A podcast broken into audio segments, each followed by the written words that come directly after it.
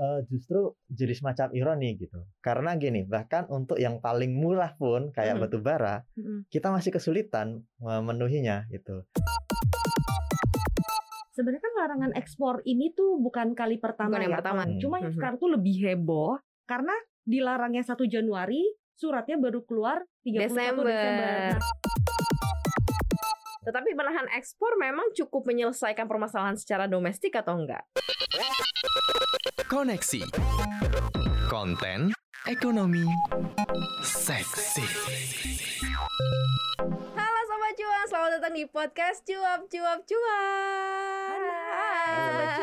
Hai, seru banget. Hari ini seperti biasa ada koneksi konten ekonomi seksi. seksi. Ya, bareng Maria Katarina di sini dan juga ada Arif Gunawan Head of Research CNBC Indonesia. Dan ada Inta. Produser CNBC Indonesia programnya banyak. Oke oke udah bisa ditonton di CNBC Indonesia TV. Nah hari ini kita ngobrol yang memang menjadi topik yang banyak banget diperbincangkan dalam beberapa belas jam terakhir nih kalau dibuka di scroll di CNBC Indonesia semuanya terkait soal ini ya semuanya terkait soal baharang Tuhan bagi rata hmm. batu bara, bara.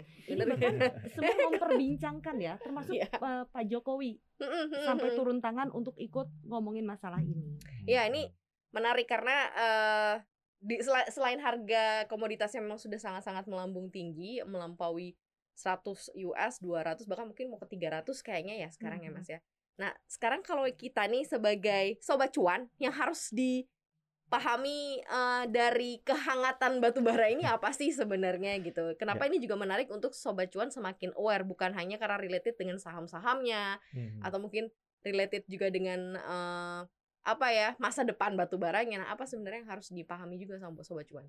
Ya, uh, pertama menunjukkan bahwa energi listrik di Indonesia terutama ya yang dinikmati oleh sobat cuan juga memang harus diakui sekarang masih didominasi batu bara mm -hmm. sekitar 60 persen.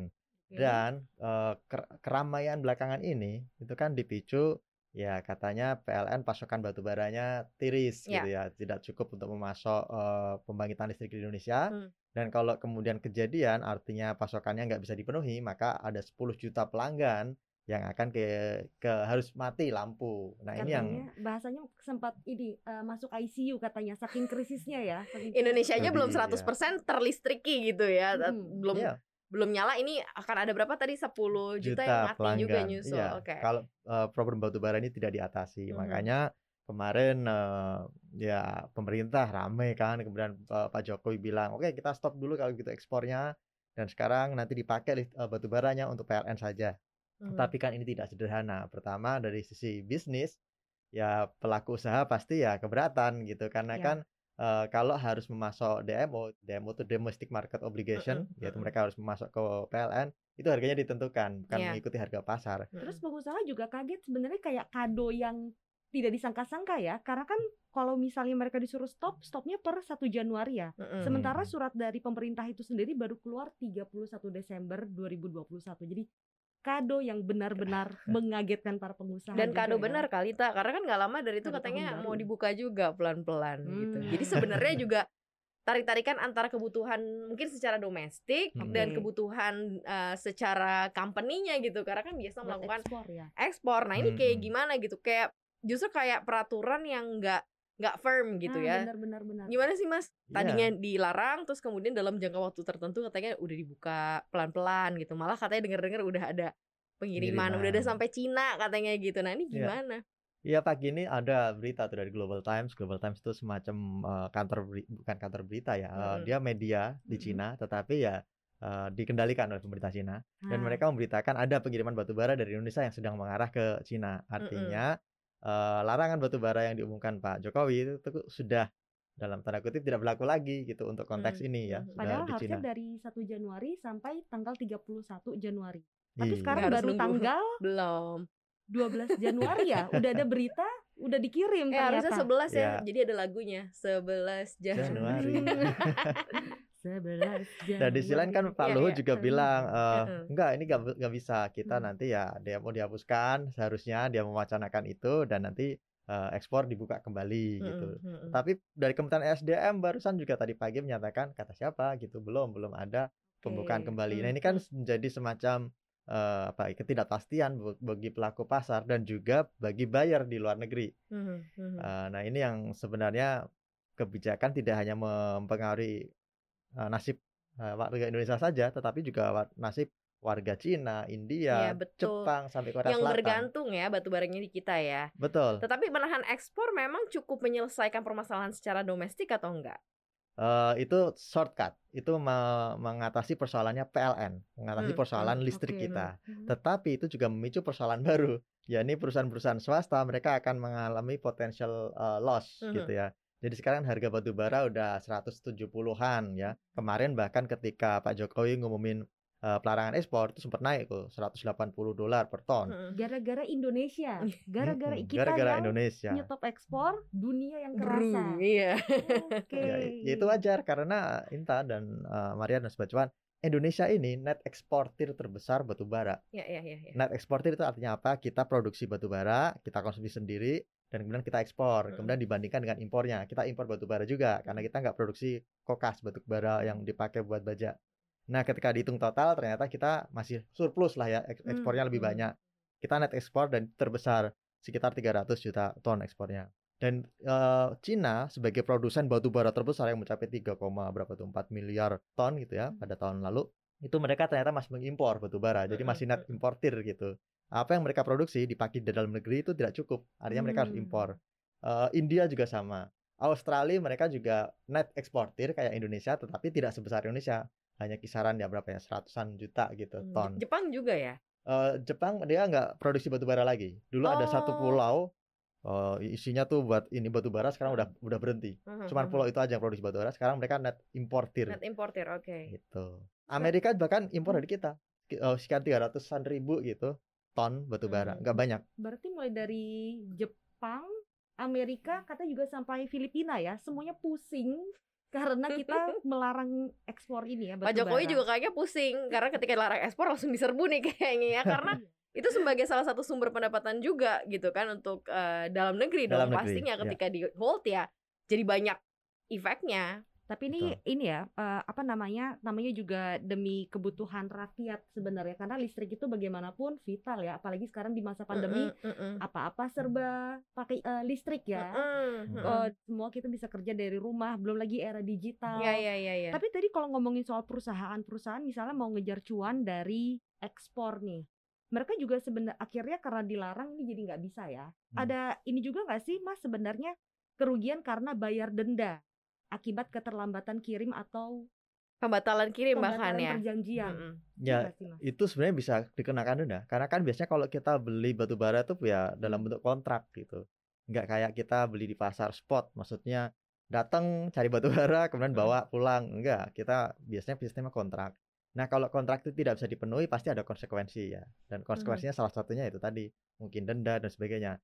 Hanya saja perlu diperhatikan, kadang di kontrak itu juga ada klausul misalnya uh, force major. Force major itu mereka akan dapat pengecualian. Ini force majornya force major ya harusnya. Bisa gempa bumi atau perubahan force major kebijakan. dari dari peraturan pemerintah maksudnya di hold jadi force major. Ya, kita belum tahu maksudnya ini apakah masuk dalam klausul mereka. Kalau hmm. force major itu memasukkan perubahan kebijakan pemerintah yang tidak hmm. bisa di hmm. di apa ya dilawan betul, oleh pelaku pelaku usaha batubara, ya otomatis itu bisa dijadikan pasal pengecualian. Mereka nggak kena denda. Oke. Okay. Gitu, Jadi gitu. tergantung dari klausulnya gitu ya, seperti hmm. apa yang harus dihadapi. Nah, ya. kalau situasional yang kayak gini harusnya seperti apa uh, di case-case sebelumnya gitu ya untuk untuk mungkin uh, pemerintahan yang lain menghadapi apa yang dihadapi Indonesia nih saat ini Mas Arwin? Sebenarnya uh, solusi idealnya adalah kita mendongkrak produksi batu bara. Kita oh, kan okay. juga sebenarnya uh, cadangan batu baranya masih tinggi, okay. tetapi karena pandemi permintaan hmm. turun, banyak pelaku usaha batu bara yang mengurangi karyawan, mengurangi jam kerja, jam hmm. operasi, makanya produksi okay. mereka terhambat. Tetapi ketika 2022 itu mulai masuk, ya akhir 2021 lah ya, itu permintaan mulai tinggi kembali, terutama dari Cina. Ya ini tidak bisa dikejar oleh para pelaku usaha kita. Hmm, Idealnya hmm. itu dilakukan. Jadi produksi batu bara digenjot dalam negeri, kemudian nanti ada spare yang bisa dialokasikan ke DMO tadi. DMO itu kan kebijakan yang bagus nih. Jadi uh, kita kaya batu bara, masa ntar kayak ini tikus di lumbung padi gitu ya mati di situ, kan nggak lucu gitu. Makanya batu bara itu harus ada alokasinya untuk PLN sendiri di dalam negeri mm-hmm. dan itu dipakai untuk memutar perekonomian kita dengan harga yang ditetapkan memang tidak kadang tidak setinggi harga pasar yang fluktuatif. Misalnya berapa ya 70 dolar kalau nggak salah per 70 ton misalnya. iya. ya itu kan mungkin buat pelaku usaha aduh ini nggak menguntungkan. Tapi ya itulah mereka harus ada merah putihnya juga gitu. Mhm. jadi itu yang kemudian harusnya dijalankan. Produksi digenjot DMO dipenuhi dan otomatis kenaikan permintaan batubara di dunia itu bisa dipenuhi juga dari Indonesia kalau sekarang kan belum Hmm. bisa gitu Tapi nanti kalau misalnya bisa domestik ekspor kan masih boleh jalan dong Ya. pasti. Tapi pengusahanya katanya mau dipungutin iuran katanya, mau ada iuran tambahan lagi. Buat apaan sebenarnya gitu loh. Ya kalau eh, biaya ekspor itu biasanya diberlakukan eh, apa bertingkat. Kalau misalnya harga batu bara dalam level sekian, Hmm. 180 sampai sekian itu nanti otomatis pungutannya lebih tinggi. Ya pemerintah berusaha ingin mendapatkan eh, ini juga windfall dari sisi Hmm. kenaikan harga batu bara. Jadi pemasukan negara akan terangkat, terbantu. Ya itu yang biasanya terjadi. Pungutan batu bara memang bisa di- di- ditingkatkan, dinaikkan gitu. Sebenarnya kan larangan ekspor ini tuh bukan kali pertama Bukan yang ya. pertama, Kalau nggak iya. salah ini bulan Juli sama Agustus 2021 nih, tahun kemarin itu juga pernah Udah pernah ya. dilakukan. Cuma yang Mhm. sekarang tuh lebih heboh karena dilarangnya 1 Januari, suratnya baru keluar 31 Desember. Desember. Nah, ternyata ini Mhm. ada ceritanya. Kalau misalnya Hmm. kemarin dengar cerita di sebuah dialog yang disiarkan oleh sebuah televisi swasta, jadi Oh, bukan itu kita berarti ya, berarti. bukan di CNBC. bukan CNBC. Iya, Berarti tahu politik kayaknya nih. ya udah pada tahu nih. Nah, jadi di TV itu dia menghadirkan ada eh, direktur utama PLN Mm-mm, eh, mm-mm. Pak Darmo ya. Ya, ya, jadi ya, ya. Pak Darmo ini dia hadir lewat Zoom padahal narasumber lainnya tuh datang ke Hadir di tempat. Ternyata Hmm. Pak Darmo lagi sakit Covid. Oh, jadi dia menga- oke. jadi dia mengatasi kejadian ini tuh sambil ini katanya. Karantina. Iya, karantina di rumah. Tapi Waduh. dia sakit Covid yang eh, tanpa gejala. Jadi Mm-mm, mm-mm. masih fresh lah kemarin dia cerita. Jadi dia sempat bilang kalau misalnya uh, di Rut PLN ini dia itu uh, lapor ke Dirjen Ridwan Jamaluddin pada tanggal 30 Desember 2021 Mm-mm. kalau stok batu bara cuma bisa support listrik Jawa Bali yang sampai 10 gigawatt ya. Hmm, oke. itu oke. sampai 5 Januari. Iya, iya. Akhirnya wah udah nggak bisa nih. Ini kan ibaratnya mm-mm, mm-mm. uh, pembangkit-pembangkit listrik udah harus masuk ICU nih karena udah kritis nih kondisinya. Hmm. Akhirnya suratnya dirilis 31 Desember besokannya Mhm. dan 1 Januari langsung di stop ekspor. Nah, tapi kan tadi seperti katanya Mas Argun nih, kalau misalnya di masa pandemi itu ternyata memang kekuatan para pengusaha itu nggak 100% buat menambang. Hmm. Eh, kira-kira dengan yang larangan ekspor sekarang ini, ini tuh langkah instan yang sudah cukup nih memperpanjang usia eh, pembangkit listrik kita nih yang dari ya dari ICU udah masuk Hmm. ke rawat inap lah ibaratnya, udah bisa keluar rumah sakit Mhm. tapi kita ba- masih tahu nih kalau misalnya sekarang itu pandemi masih tetap mengancam lah ya mas Hmm, masih Hmm. bakal kejadian gak sih yang eh, seperti ini kita bisa krisis kekurangan batu bara eh, pada akhirnya larangan ekspor ini masih akan kejadian lagi nih Kayaknya udah mulai terbaca sih sebenarnya. Kalau Inta tadi bilang soal masalah eh, mungkin gak sih akan muncul lagi krisis Mm-mm. gitu. Kayaknya PLN pun melihat akan ada potensi itu lagi karena berbagai macam eh, monitoring, kayak Ya. aplikasi monitoring, skema BLU kayaknya ini udah mulai Hmm. mungkin dikedepankan karena membaca kemungkinan yang akan dialami Indonesia gitu loh untuk krisis batu bara lagi. Ya. Up nextnya. kayaknya memang sekarang shortcut oke lah eh, efektif. Jadi Hmm.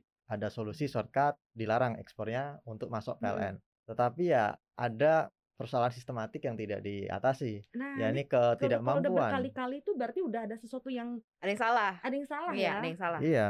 Ke sekarang in- pangkal persoalannya di mana sih? Demo itu kan aturannya bagus, ideal gitu loh. Jadi seharusnya dengan menghadapi kondisi fluktuasi batu bara, permintaan, dinamika di luar negeri, itu bisa diatasi dengan demo itu. Mm-mm. Yang penting di dalam aman dulu, baru kemudian boleh keluar. Dan demo itu kan yaitu 25% dari hasil tambang itu ditaruh di dalam negeri. Mhm. Itu sudah ditetapkan oleh eh, Menteri SDM tetapi tidak di- dilaksanakan. Problemnya Kenapa di gitu sini. tuh? Kenapa seperti itu?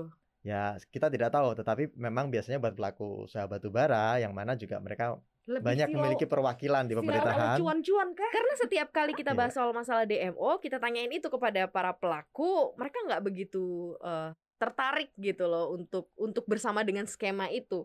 Padahal kalau dikatakan ini cukup sebenarnya cukup menguntungkan dan bagus sebenarnya untuk Ya. keamanan energi dalam negeri sebenarnya Dalam kan sesuai negeri. ini. konstitusi ya karena kan Iya. uh, kekayaan alam Bumi. ini Ya. seluruhnya harus diatur oleh negara untuk Kemakmuran kesejahteraan. kesejahteraan masyarakat sebenarnya. Kalau balik lagi ke undang-undang ya. Berarti demo ini sebenarnya walaupun tidak pengusaha diminta untuk tidak mengikuti harga pasar, tapi sebenarnya boleh nggak sih dilakukan oleh pemerintah seperti itu? Nah, uh, memang itu bisa dilakukan dan Mhm. kalau mau diajukan ke Mahkamah Konstitusi kan sebenarnya sudah terbuka, tapi nggak bisa karena ya memang itu sesuai dengan konstitusi, nggak ada yang dilanggar Iya. DMO ini. Hanya saja tidak bisa dilaksanakan ya karena ya mungkin ada distorsi terkait dengan kepentingan bisnis para pelaku usaha batubara gitu ya. Mhm. Uh, mendingan ekspor dengan harga lebih tinggi gitu dan DMO-nya siapa yang masuk ya biasanya ya BUMN lagi, BUMN lagi, Iya. PTBA lagi. Dan PTBA sekarang lagi, PTBA lagi. iya. Dan sekarang PLN pun ya katanya punya anak usaha yang berusaha untuk mengamankan pasokan. Tetapi itu justru menunjukkan kontradiksi antara aturan dengan pelaksanaan. Kalau sudah ada DMO, maka tidak perlu lagi PLN punya anak usaha yang bergerak di bidang batubara. Ya biar pelaku usaha swasta aja yang memasok. Jadi PLN batubara itu justru kayak menafikan, kan dia berarti nyari batubara buat dirinya sendiri. Iya. Padahal Mhm. kalau menurut aturan yang ada, nggak perlu ada dia, nggak perlu ada PLN batubara, DMO itu udah cukup masuk kebutuhan Nah, dalam negeri. sebenarnya DMO Gitu. tuh uh, ini juga akhirnya lagi mau dievaluasi ya DMO itu bagus apa enggak, makanya mau ada BLU itu ya. Mhm. Tapi menurut Mas sendiri DMO tuh seperti ini nggak sih Mas kayak membuat uh, PLN kayak anak manja gitu karena selalu dibaik-baikin oleh pemerintah Iya iya Jadi iya dia iya iya. kurang uh, kompetitif Iya gitu. iya iya iya. Padahal di satu sisi dia adalah satu-satunya perusahaan listrik milik negara. Dia nggak punya pesaing lainnya.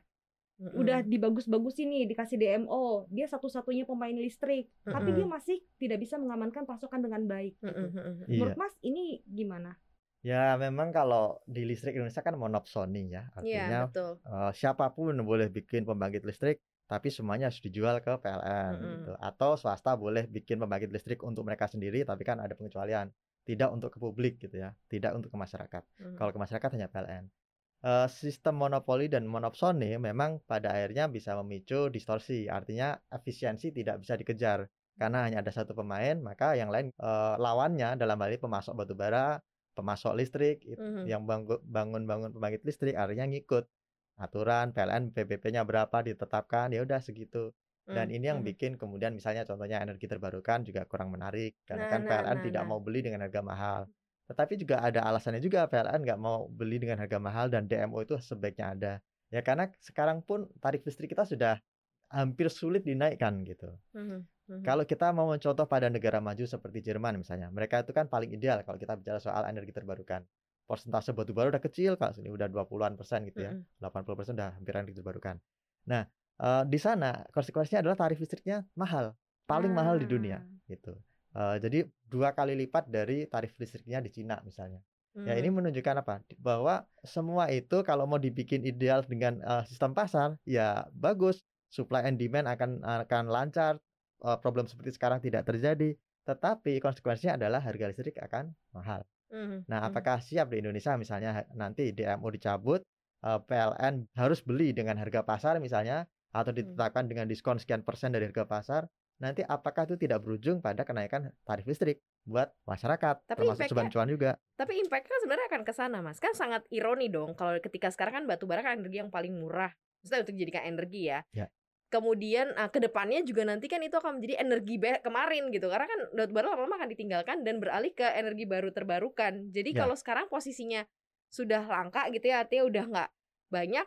Ini sebenarnya termasuk salah satu mention juga dong untuk PLN mungkin ya untuk bergeser ke energi baru terbarukan di mana nanti harga listriknya pun juga akan menyesuaikan. Ini kayak kayak apa ya early jadi kayak belajar lebih awal jadinya Udah harusnya alarm di awal nih alarm kan. udah ada alertnya Eh, justru jadi semacam ironi gitu. Karena gini, bahkan untuk yang paling murah pun kayak Hmm. batu bara, Mm-mm. kita masih kesulitan memenuhinya gitu.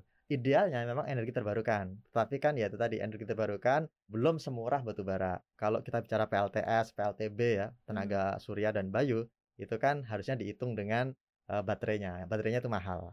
Kalau cuman baling-balingnya aja sih murah, eh, Hmm. solar panelnya murah. Jadi belum bisa bersaing dengan batu bara. Nah, kalau sebagai energi yang paling murah pun kita belum beres gitu. Apalagi nanti kita masuk ke energi yang mohon maaf masih agak ma- mahal nih, energi terbarukan Hmm, yang hmm. oke ramah lingkungan, hijau, tetapi ya itu belum terlalu ringan untuk ongkos untuk kantong PLN gitu. Kita nggak bisa mengamankan batu bara ini apa karena memang semuanya pada silau dengan cuannya ya mau negara mau pengusaha jadi ekspor. Nah, tapi Padahal ini barang Mas? barang Tuhan punya Tuhan loh padahal bagi rata mungkin nggak sih eh, kita nih jadi eksportir terbesar nih padahal ya pasokan kita bisa tahu ya kalau pasokan yang seperti itu kan nggak terbarukan jadi Mm, mm, mm. selama itu ada ya ada tapi kalau misalnya ditambang terus-terusan kan dikeluarin terus-terusan suatu saat Habis. kan habis Mhm. mungkin nggak sih mas ini nanti posisinya jadi kayak eh, migas gitu dulunya Hmm. Indonesia itu adalah eh, net eksportir tapi pada akhirnya karena terlalu memanfaatkan komoditi boom terus Mhm. akhirnya jadi penopang cuan lagi balik suatu baliknya ya hari kita akan jadi net importer Iya, batu iya, bara iya, mungkin iya. nggak sih mas Ya itu mungkin sekali. kita kena paradoks gitu sekarang Ya. kita eksportir terbesar kita senang gitu Mm-mm, mm-mm. but one day importir jadi malah ya Ya bahkan Nggak batu bara itu sih. lebih apa ya lebih problematis dibandingkan eh, minyak kalau kita Mm-mm. bicara soal supply. Jadi eh, soal cadangan. Jadi kalau cadangan minyak itu ada di darat dan ada di laut. Jadi hmm, kalau di darat udah habis ya Hmm. kan, udah nggak bisa dieksplorasi lagi, ya kita bisa cari di laut. Sekarang di Hmm. Indonesia ada banyak di laut dalam. Emang Mhm. investasinya mahal, tetapi setidaknya cadangannya ada, cekungan minyaknya ada. Batu bara beda. Batu bara di laut ya memang ada mungkin di dasar laut, tapi eksploitasinya pasti sangat-sangat mahal. betul, betul. Jadi yang paling visible hanya di darat. Nah di Indonesia ini s- eh, saya agak lupa, tetapi berapa cadangan batu bara Indonesia kalau nggak salah tinggal 30 atau 40 tahun. Jadi ka- ya kalau ditambang dengan laju yang seperti sekarang, kalau lajunya ditingkatkan, otomatis itu akan lebih cepat habis. betul Mungkin dalam waktu 20 atau 3 bulan tahun udah udah nggak ada lagi. Hmm, Nah, selama itu seharusnya kita udah masuk ke masa transisi. hmm. Jangan sampai kejadian kayak ya, soal minyak ini. Transisinya ke mana? Ya energi baru, bahan terbarukan. ya memang ke situ kan semua Ya. akan menuju ke situ kan Betul. tanpa betul. terkecuali. Nah, karena kita bahas soal masalah batu bara dan lain-lain ini supaya sobat cuan juga ngerasa bahwa oh gue perlu tahu, di Mm-mm. gue Ya. perlu apa namanya perlu memahami soal hal ini. Nah, ini juga tercermin ternyata untuk beberapa saham-saham yang part batu bara yang justru malah melesatnya gila-gilaan malah Mas. Ya itu kalau tadi pengusaha mau cuan, silau pemerintah juga silau cuan, sobat cuan juga ternyata banyak yang cuan-cuan juga gitu. karena Nah, harga batu bara juga lagi bagus-bagus ya jadinya Uh-uh. ada tengah polemik ini nih masa depan perusahaan-perusahaan batu bara nih dengan kondisi-kondisi seperti ini nih kayak gimana, Mas? Oke, kalau kita bicara eh, pasar saham, ya sekarang lagi boncos nih, karena kan harga batu bara turun 6% Mm-mm, mm-mm. setelah eh, Pak Luhut menyatakan Buka eh, lagi keran. lagi Oh, gitu kan. Ya, jadi kayaknya ini masih fluktuatif, apalagi SDM masih me- membantah itu ya, Mm-mm. masih fluktuatif, tapi arahnya udah terkoreksi di dunia. Jadi saham-saham batu bara mungkin akan fluktuatif dan agak tertekan. Tapi kalau kita bicara soal fundamental eh, mereka di industri, apakah mereka akan survive? Eh, batu bara ini mereka dipaksa untuk berubah. Sekarang pasti teman-teman sobat cuan melihat bahwa perusahaan-perusahaan batu bara sekarang udah pakai embel-embel energi terbarukan. Hmm. Eh, name it, Batu bara PTBA, lingkungan. ya kan, bumi. Jadi mereka selain garap batu bara, mereka juga garap energi terbarukan Iya. gitu. Ya memang kalau nggak seperti itu, mereka tahu akan habis nanti bukunya tamat, batu baranya habis ya sudah nggak operasi lagi. Ya itu nggak visible, nggak sustainable buat mereka. Makanya mereka ya masuk ke energi terbarukan. biar gitu. kelihatan kayak menuju ke ini ya gaya-gaya anak muda ke depannya gitu ya kalau nggak Hmm. kelihatan kayak perusahaan tua terus kan iya sih yang ngandelin batu bara aja gitu Ya, dan batu bara Indonesia ini sayangnya batu bara yang thermal gitu, Iya, iya, kebanyakan iya. cadangannya buat listrik. Kalau yang eh, relatif sustainable artinya eh, masih bahkan dibutuhkan itu batu bara kokas yang batu bara yang kadar Kalori kalorinya tinggi. tinggi. sekali dan itu Mhm. dipakai buat baja. Baja itu selalu akan diperlukan sampai kapan pun. Hmm. Dan thermal ini ya karena ya keuntungannya adalah dia mudah didapatkan. Makanya kalau kita bicara di Australia itu kebanyakan tambang batu bara itu gua gitu ya. Hmm, hmm. Sementara kalau kita open open mouth, Hmm, jadi hmm, ya eh, cukup ngeledakin hmm, terus ditambang ya karena emang batu bara kalori rendah biasanya di atas permukaan bumi. Yang di dalam-dalam itu kalorinya eh, lebih tinggi. Tapi untuk dapetin tekanan. itu budgetnya biayanya pasti lebih gede Iya lagi. sih, ya. Tapi harganya juga mahal. Mhm, Makanya batu bara antrasit, batu bara kokas itu juga mahal-mahal ada harganya. harga ada barang ya Karena kan effort kan Iya, ngambilnya ke betul. dalam Iya. kan. Oke, kalau misal kata Pak Erick Thohir nih ya, eh, kan ada negara yang minim sumber daya alam tapi nggak mengalami krisis listrik. Tapi ternyata Tapi nggak ada sumber daya alamnya ya, minim ya. Misalnya negara Kayak Jepang lain gitu misalnya. Iya, jadi Mhm, tidak mhm. mengalami krisis listrik. Tapi kita nih yang kaya sumber daya alam tapi bisa-bisanya nih kena krisis listrik. Jadi kalau tadi balik lagi ngomongin soal batu bara buat kebutuhan listrik yang sangat vital nih untuk pemenuhannya. Menurut Mas Argun apa sih yang perlu diperbaikin sih Mas? Sebenarnya eh, dari PLN-nya kah, kebijakan dari pemerintahnya kah, atau ada dari pengusahanya mungkin juga perlu ada dorongan seperti apa gitu? Indonesia emang kompleks. Jadi Iya kalau iya iya. kalau saya jadi PLN juga saya pusing karena gini. Oke, nge- nyari supply oke lah ya. ya. Udah udah Tolong nih angkat jadi komisaris PLN Arif Gunawan ya. Catat loh. Iya. Kalau nyari supply oke lah udah dibantu dengan demo dan lain-lain ya meskipun kemarin diurungkan. Tetapi kalau bangun transmisi itu PR sekali. Dan di Indonesia ini mayoritas eh, apa namanya sumber energi itu ada di luar Jawa. Mhm. Tetapi mayoritas yang mengonsumsi energi itu ada di Jawa. Jadi kan kalau mau ngirim listriknya ya harus lewat itu laut Jawa sama Hmm. la- laut yang luas itu. Itu susah. Makanya kan PLTU Batang dibikin. Iya. Padahal kita nggak punya batu bara nih di Jawa ini. Mm, Bat- mm, Batu mm. baranya dikirim dari Kalimantan, Sumatera, dan itu costly juga. Mm. Ya ini dilemanya kita ada ketimpangan gitu. Eh, jadi ya memang ini problem yang sistematik menahun. PLN juga pasti pusing. Kenapa dia tarifnya listriknya mahal ya itu tadi pemeliharaannya mahal, bangun transmisi mahal, pengiriman itu juga mahal, eh, pasokan apa namanya batu bara dan kawan-kawan agak susah. Jadi ya challenging sih sebenarnya eh, buat buat eh, PLN pastinya kondisi seperti sekarang ini. Mungkin suatu saat PLN perlu punya tambang batu bara sendiri mungkin ya. Aman, jadi nggak perlu bikin kontrak sama orang lain yang mungkin mereka lebih prioritasin buat kirim. Tapi memungkinkan nggak? mungkin, mungkin Kayaknya aja. Bismillah komisaris. Ya,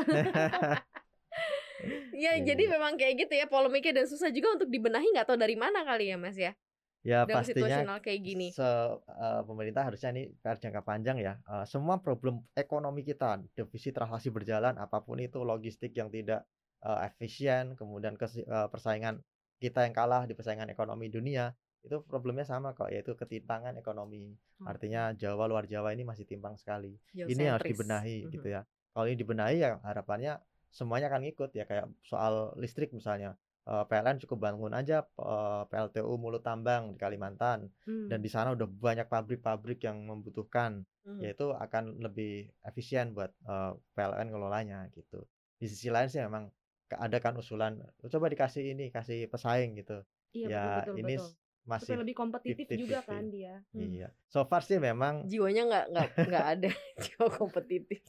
Perlu jadi ini ya. Kalau dikutip anak manja Udah gitu kan disuapin. ini. ya Jadi gitu ya Sobat Cuan ya Mungkin akan jauh lebih kritis lagi Mungkin Sobat Cuan kalau nanti sempat untuk membaca juga gitu ya Di CNBC Indonesia Persoalan polemik batu bara di Indonesia ini Dan kenapa juga harus ada step-step seperti pembatasan ekspor Kemudian ini Hmm. agak menyulitkan juga untuk para pengusaha Kemudian juga bagaimana negara mencoba untuk mengatasi dari sisi kelangkaan dan krisis Kalau uh, energi ini isu ini tadi diikutin tadi mungkin udah ada gambarannya ya cuan-cuan saham apa aja yang bisa dilihat terus harga batu bara itu berapa lama akan naik Mm-mm. Eh, ternyata kok lagi koreksinya nih tadi Mm-mm. kenapa Mhm. 100 dolar aja udah dibilang waktu itu komoditi boom ya iya. Terus ini udah kemarin udah sempat mau 300 gitu ya. Itu komoditi Proyeksinya 300 ya. Iya. Tuh kayak udah meledak exploded Hmm. ya. Oke, ini seru banget nih kalau diterusin mungkin bisa panjang banget, tapi thank you banget sobat cuan udah dengerin koneksi hari ini pastinya podcast cuap-cuap cuan kamu bisa dengerin di mana aja nih Bunta. ada di Spotify Mm-mm. di Apple Podcast di Google Podcast dan juga di Anchor Ya pastikan juga nih Sobat Cuan udah follow akun Instagram kita di @cuap underscore cuan dan support kita dong di YouTube ya. Ya. Subscribe, like dan juga share di YouTube kita di cuap cuap cuan. betul Oke, ya thank you banget ya Sobat Cuan. Jangan lupa ya selalu dengerin kita untuk bisa mendapatkan informasi menarik. tentunya biar makin cuan dong Pasti biar makin cuan ya. Mari kita Rina pamit. Argun pamit. dan juga Inta pamit Dah. Bye. Bye, Bye, Sobat Sobat Cuan.